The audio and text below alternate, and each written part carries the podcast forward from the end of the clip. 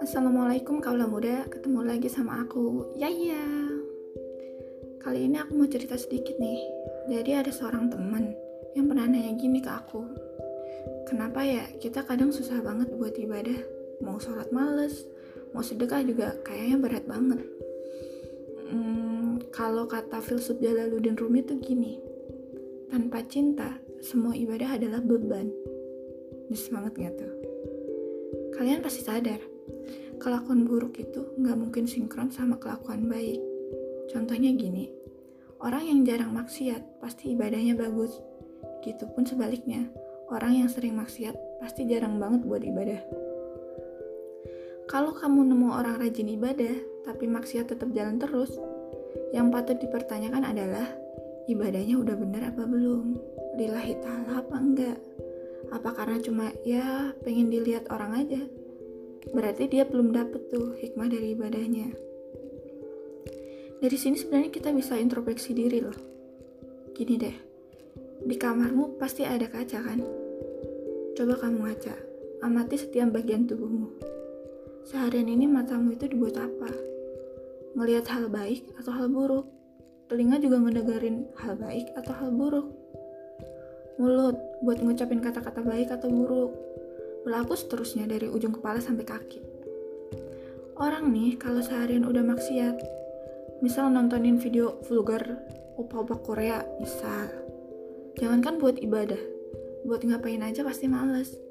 Soalnya pikirannya udah ke distrik sama setan. Beda cerita kalau yang ditonton itu kajian sunnah. Pas denger azan, pasti langsung gerak, ngambil wudhu, sholat deh. Ada pertanyaan lagi nih, Terus gimana ya cara motivasi diri sendiri buat rajin ibadah? Oke, karena aku sayang sama kalian, so aku kasih tahu caranya versi aku. Tahu nggak? Sifat dasar manusia itu mudah banget dipengaruhi.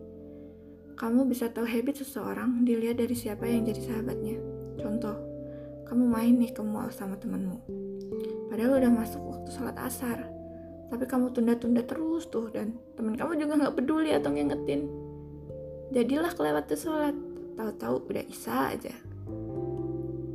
Kalau kamu pengen rajin ibadah ya temenannya sama yang rajin ibadah juga. Kamu nggak perlu nyari temen yang ahli ibadah banget. Susah. Cukup cari temen yang salah satu amalan dia nggak ada di kamu. Contoh ada yang tilawahnya rajin. Ada yang puasa Senin Kamisnya nggak bolong ada yang sholat sunnahnya ketol atau enggak yang sama-sama pengen hijrah juga temen yang kayak gini nih yang harus kamu pertahanin Insya Allah dia bisa ngejaga dan ngingetin kamu untuk tetap aman gak ninggalin ibadah.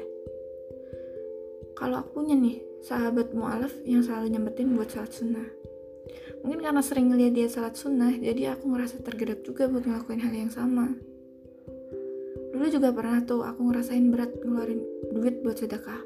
Terus akhirnya mutusin buat terjun ke dunia sosial. Ketemu lingkungan baru yang sering ngadain sosial gabung lah. Lama-lama ikut ke bawah juga.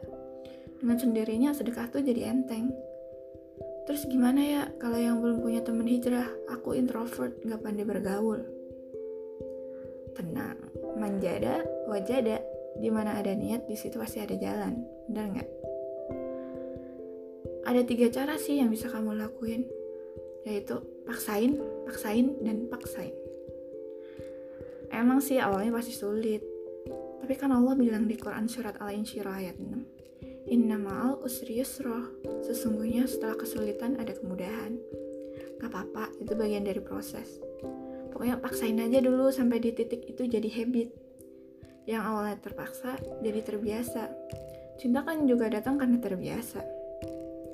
Nanti pasti ada deh saat di mana kamu dengar azan langsung ambil wudhu terus sholat. Soalnya kamu udah cinta. Sampai sini udah dapet kan poinnya? Oke, sebelum aku akhiri, aku ada pertanyaan menggelitik nih. Kamu pernah kepikiran gini gak? Seumpama nih, roh kamu lagi gabut, terus tiba-tiba ninggalin kamu dengan alasan kamu gak mau sholat. Gimana, ayo? Gak mau kan? Makanya, ayo rajin sholat. Umur manusia gak ada yang tahu loh. Mumpung masih dikasih hidup sama Allah, tetaplah sholat walaupun hidup sedang hancur-hancurnya.